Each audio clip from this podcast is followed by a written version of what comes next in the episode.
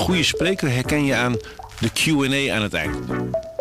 Onze lifehack-expert Martijn Aslander geeft je adviezen waar je echt wat aan hebt. Beluister en bekijk Martijn of een van onze andere experts op businesswise.nl. Businesswise, het nieuwe platform voor iedereen met ambitie.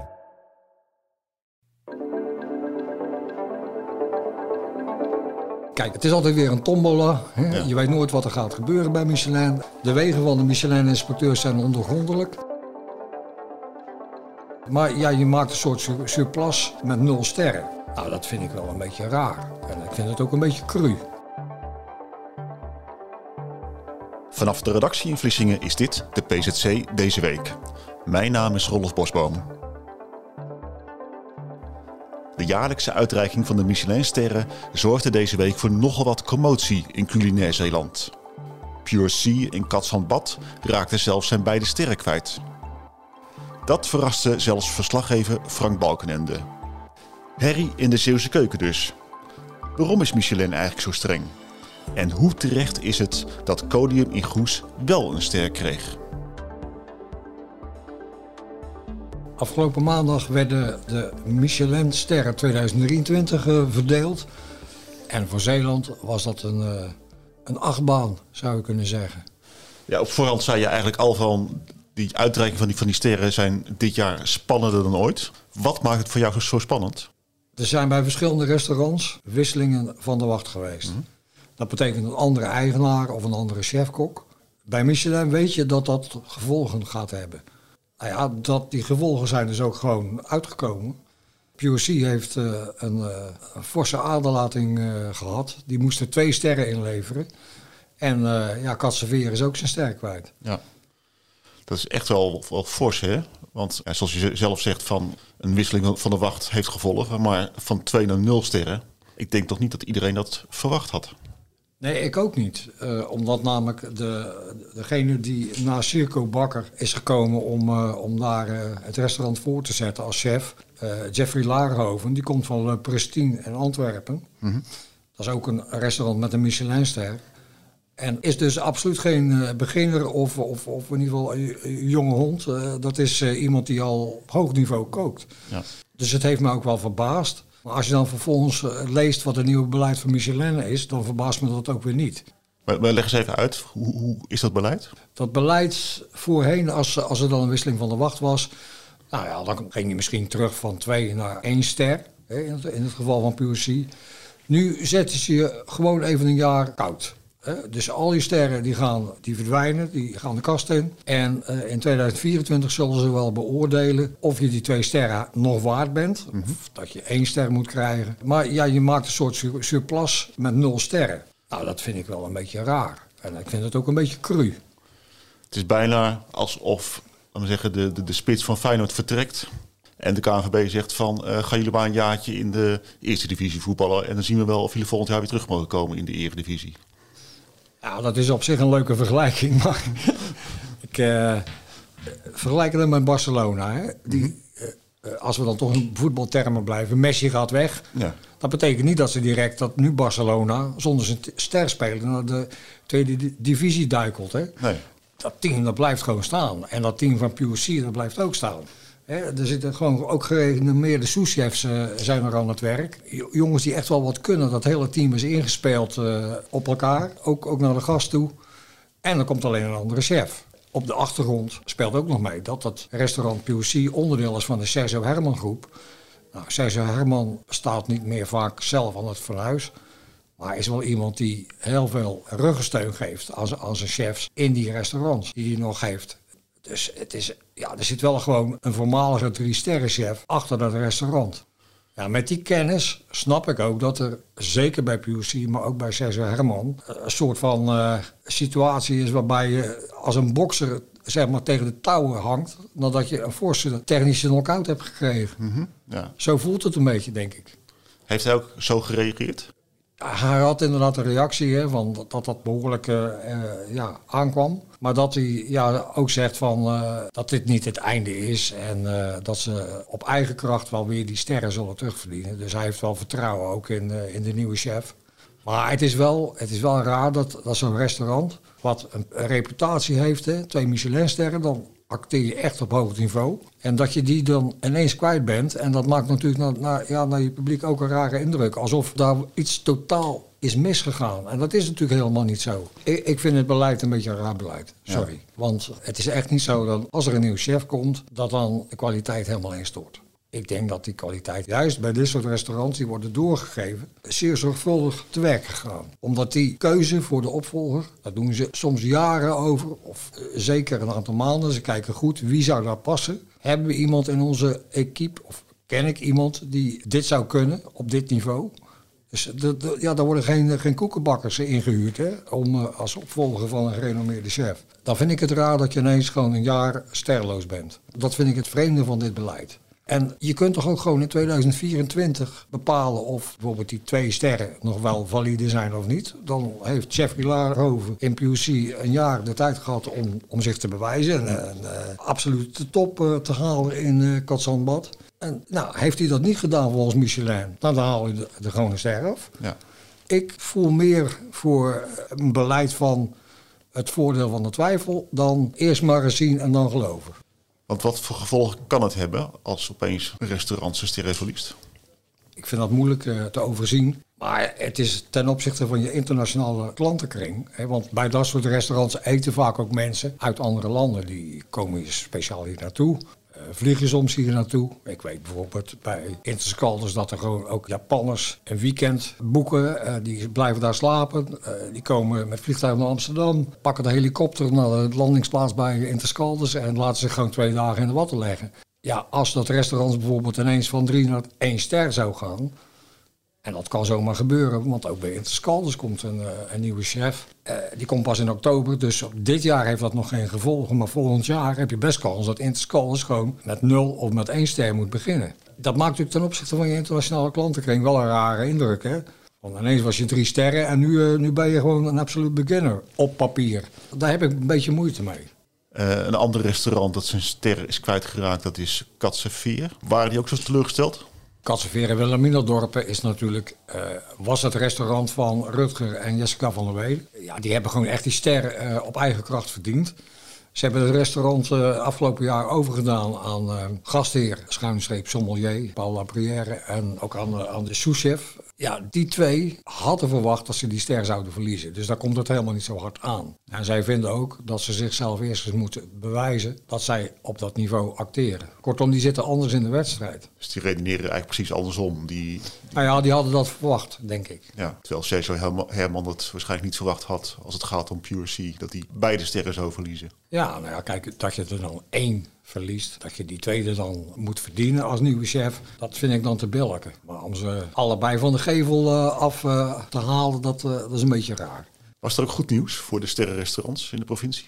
Nou ja, we hebben als Zeeland denk ik best wel een mooie score dit jaar. Want vorig jaar was het natuurlijk gewoon ontzettend saai. Er gebeurde helemaal niks Nee. in eh, 2022. En dit jaar wordt alles overhoop gehaald. Sea levert twee sterren in. Katseveer levert een ster in. Maar we hebben er ook sterren bij gekregen. De parel die wij al eens een keer eh, in de PZC al flink hadden opgepoetst... eh, blijkt dus gewoon een sterrenrestaurant te, te zijn geworden. En dat is Codium in Goes.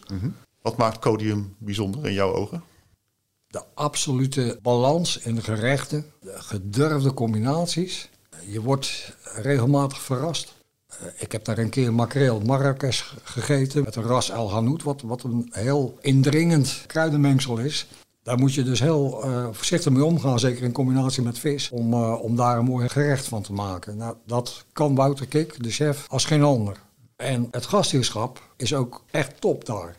En hoe komt dat? Jean-Luc Etienne, ook, ook compagnon van Wouter Kik. Dat is echt een goed, goed span, die twee. Die werken goed samen. Die heeft eh, zijn sporen verdiend in Parkheuvel in Rotterdam. Dat was ooit eh, eh, het eerste drie sterren restaurant in Nederland. Heeft op dit moment twee sterren. Dus ja, die, die heeft zoveel horeca-kilometers gemaakt. Daar klopt het ook aan de voorkant heel erg goed, in het restaurant. Dus ik verbaas me er niet over. En Wouter Kik heeft ooit al furoren gemaakt in de Vier Bannen in Oudekerk. Ik vond dat altijd een beetje duur restaurant voor wat het was. Ik vond het lag ook een beetje moeilijk in de Rimboe daar eh, bij de Cassons. Hè. Het Watersnoodmuseum wat dat tegenwoordig gevestigd is. Geen ideale plek, hè, ook voor Belgen niet om naartoe te gaan. Want die restaurants kom je namelijk al veel eerder tegen in Zeeland, in Zeeuw-Vlaanderen en op de Beverlanden. Wel mooi uitzicht. Wel een mooi uitzicht, ja. Uh, maar daarna heeft hij wijselijk een paar jaar meegedraaid als souschef in de Kromme Watergang. En die aanpak van Edwin Vink in de Kromme Watergang, die proef je ook wel in zijn gerechten. Gewoon de verfijning. Maar Wouter is ook, ook wel iemand die experimenteert. Je ziet gewoon als nog een jonge hond, een relatief jonge hond, die uh, enthousiast is en uh, naar de top wil. Dus die, die ster is eigenlijk volkomen verdiend in jouw ogen? Codium werd in 2019 PCC-restaurant van het jaar. Dus die award die ging naar Codium toe. En ik heb toen al voorspeld dat sommige gerechten echt sterwaardig waren. En ja, dat is gebleken. Ja. En nu zag ik ook groene sterren. Voor mij nog een nieuw fenomeen. Maar wanneer komt een restaurant in aanmerking voor een groene ster? Waar, staat die voor? Die groene ster staat vooral uh, voor uh, duurzaamheid. Hè. Uh, pak je het als restaurant duurzaam aan. Een duurzaam restaurant gaat geen steak uit Argentinië op de kaart zetten. Een duurzaam restaurant plukt kruiden aan andere producten, bijvoorbeeld paddenstoelen, in de buurt. Hè, en haalt zijn product het liefst lokaal, zodat je ook gewoon weinig CO2-uitstoot hebt. Uh, een duurzaam restaurant zal ook bijvoorbeeld kijken van, ja, moet ik nou alles in plastic verpakkingen laten aanleveren of kan dat op een andere manier? Die zullen ook alle resten van producten die, die overblijven in de keuken, zullen ze opnieuw gebruiken. Je kunt bijvoorbeeld gewoon resten van vis, daar kun je ook weer uh, een mooie visbouillon van maken. Kortom, er zit wel een soort circulaire gedachte achter. Ja, dus voor mij is het relatief nieuw, hè, die, die groene sterren. Maar hebben die ook te dezelfde waarde als de normale sterren? Of is het toch ja, een bijcompetitie? Ja, het is, de, het is natuurlijk een nieuwe eend in de bijt, om het zo maar te zeggen. Ja. Maar die groene sterren, dat is wel een opkomst. Een paar jaar geleden uh, had je het eerste restaurant, ik dacht in Nijmegen, die zo'n groene ster had verdiend. En toen dachten we, nou, dat, uh, het is inderdaad gewoon een, een, aparte klasse. Ik denk inmiddels dat bij Michelin besef is gekomen dat we anders eten, minder vlees, uh, minder vis. En dat je dan misschien ook vissoorten kiest die uh, in ieder geval een keurmerk hebben, hè, maar ook vissoorten die niet bedreigd zijn. Dat je die op de kaart zet. Dat je misschien ook meer vegetarisch kookt. Dat je met lokale partners samenwerkt. Ja, die ontwikkeling die zie, die zie je nou ook bij Michelin uh, doorzetten, dat, dat ze daar meer oog voor hebben. En ik zou ook niet willen zeggen dat die restaurants heel slecht koken. Absoluut niet. Nee. En want uh, die Groene Sterren die gingen naar Hof aan Zee in Koude Kerken en ook naar Morille, toevallig ook in Koude Kerken. Ik denk dat dat puur toeval Ja. is, maar ehm, ja, dat zijn toch allebei restaurants. Ik heb er ook gegeten bij de restaurants. Ja, dat, die zijn echt wel, eh, echt wel goed. Die koken echt op niveau. Echt vergelijkbaar ook met de normale sterrenrestaurants. Ik, ik denk dat je bij Morie of bij Hof van Zee net zo lekker eet als bijvoorbeeld bij Katseveer. Alleen misschien net anders. En je zei van, voor mij is het toeval dat ze allebei in koude kerken vallen.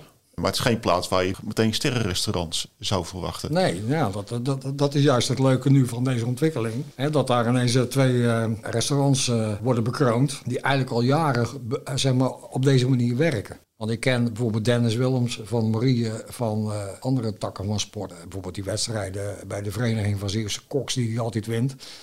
Maar hij, hij is eh, heel creatief, hè? Ook met paddenstoelen. En nou, ik heb daar eens een keer eh, een voorgerecht gegeten waarvan ik dacht van dat het toch vlezig was. Een soort préparé, eh, een soort filet Amerikaan-achtige goedje was het op mijn bord. Maar eh, de structuur was niet helemaal vlezig. Dus daaraan proefde ik gewoon van dit is geen vlees.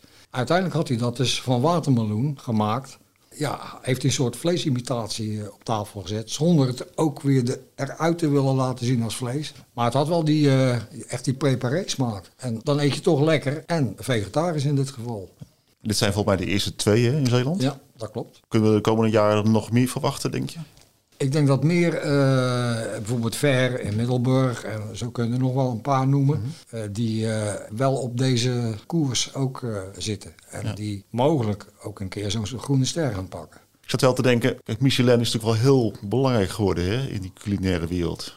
Niet, niet, niet alleen, hè. je hebt Michelin, je hebt natuurlijk ook Gomeo en nou ja, dan heb je nog de Lekker en, enzovoort. Ja, klopt. Maar, maar, Maar- Michelin is natuurlijk wel de autoriteit, eh, althans, die heeft zich als aut- autoriteit opgeworpen.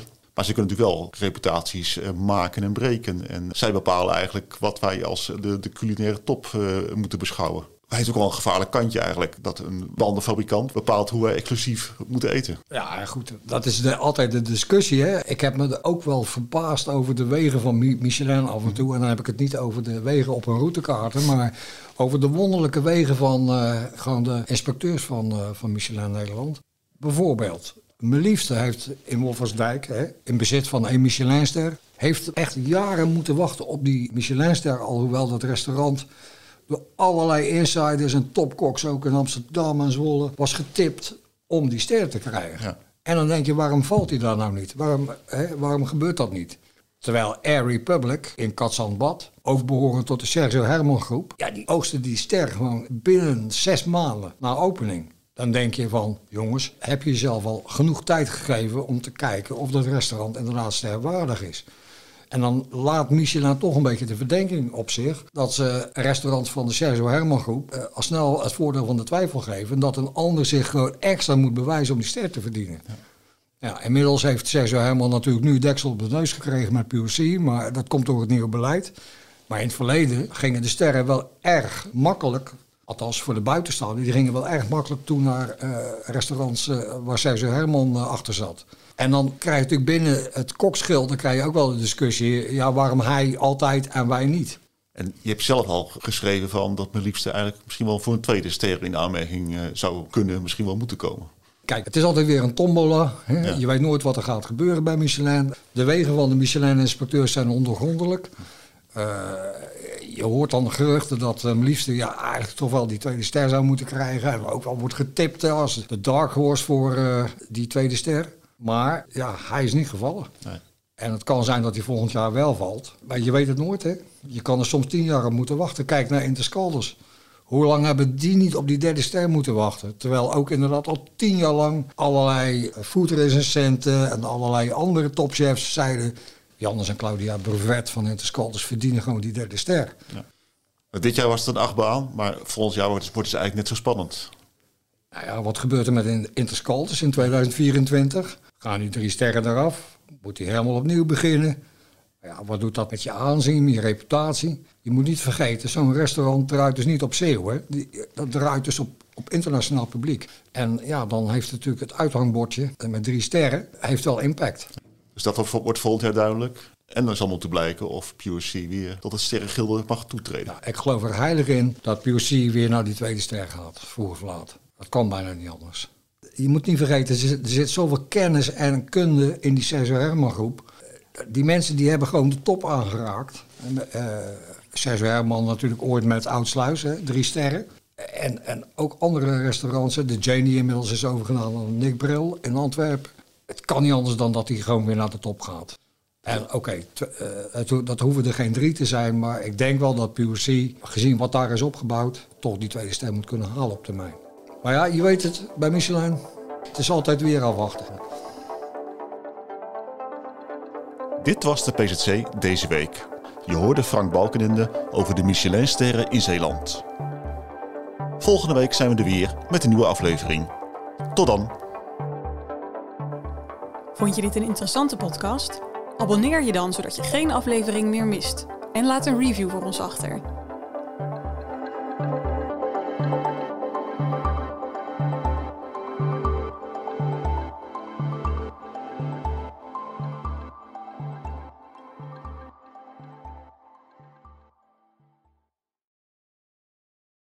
Gerda Wilhelmina Bom. 1 jaar. Jacobus Malheer van de Bos, 56 jaar. Wist je dat er na de watersnoodramp van 1953 nog altijd 105 vermisten zijn? Ja, kik. Zeven maanden. Voor nabestaanden is het als een wond die nooit helemaal geneest. Hij vond dat wel erg. Hij was eh, twee zussen kwijt. Waar, waar zijn ze? Jan van den Hamer verloor twee tantes en hun lichamen werden nooit gevonden. Nooit niet over gesproken. Nooit. Dus als een groot onderzoek kans op antwoorden biedt, twijfelt Jan geen seconde. Mijn vader en moeder hebben er ook niks aan. Maar die zou het ook dolgraag geweten hebben. Hé, wie, wie of wat, dat weet ik pertinent zeker. Hij staat DNA af. Maar lang niet alle mensen die nog familieleden missen, doen mee. Het is net een oude wond die je weer open maakt en waar je ja, waarschijnlijk eh, misschien last van kunt hebben. In De Vermiste van 53 vertellen we het verhaal van de intense zoektocht naar de antwoorden op de laatste vragen van de watersnoodramp. Blijven zoeken naar, naar je vader. Of naar je kind. Of naar je zus, je broer. Waar zijn de lichamen van de vermisten? Voor iedereen is er een graf. Ook al ben je vermist, Er is een graf voor. Nu de laatste ooggetuigen nog in leven zijn, dringt de tijd meer dan ooit. Ik heb DNA afgestaan. En toen op een gegeven moment, toen, eh, ja, dat, dan, komt dat toch wel even binnen. Eh, ik werd opgebeld. Ja. We hebben een, een match. Ik ben Noortje de Kroon. Ik maak deze podcast samen met Rolf Bosboom. Je vindt de afleveringen op pct.nl slash podcast, ad.nl slash podcast, de sites van de aangesloten regionale dagbladen en natuurlijk je favoriete podcast app.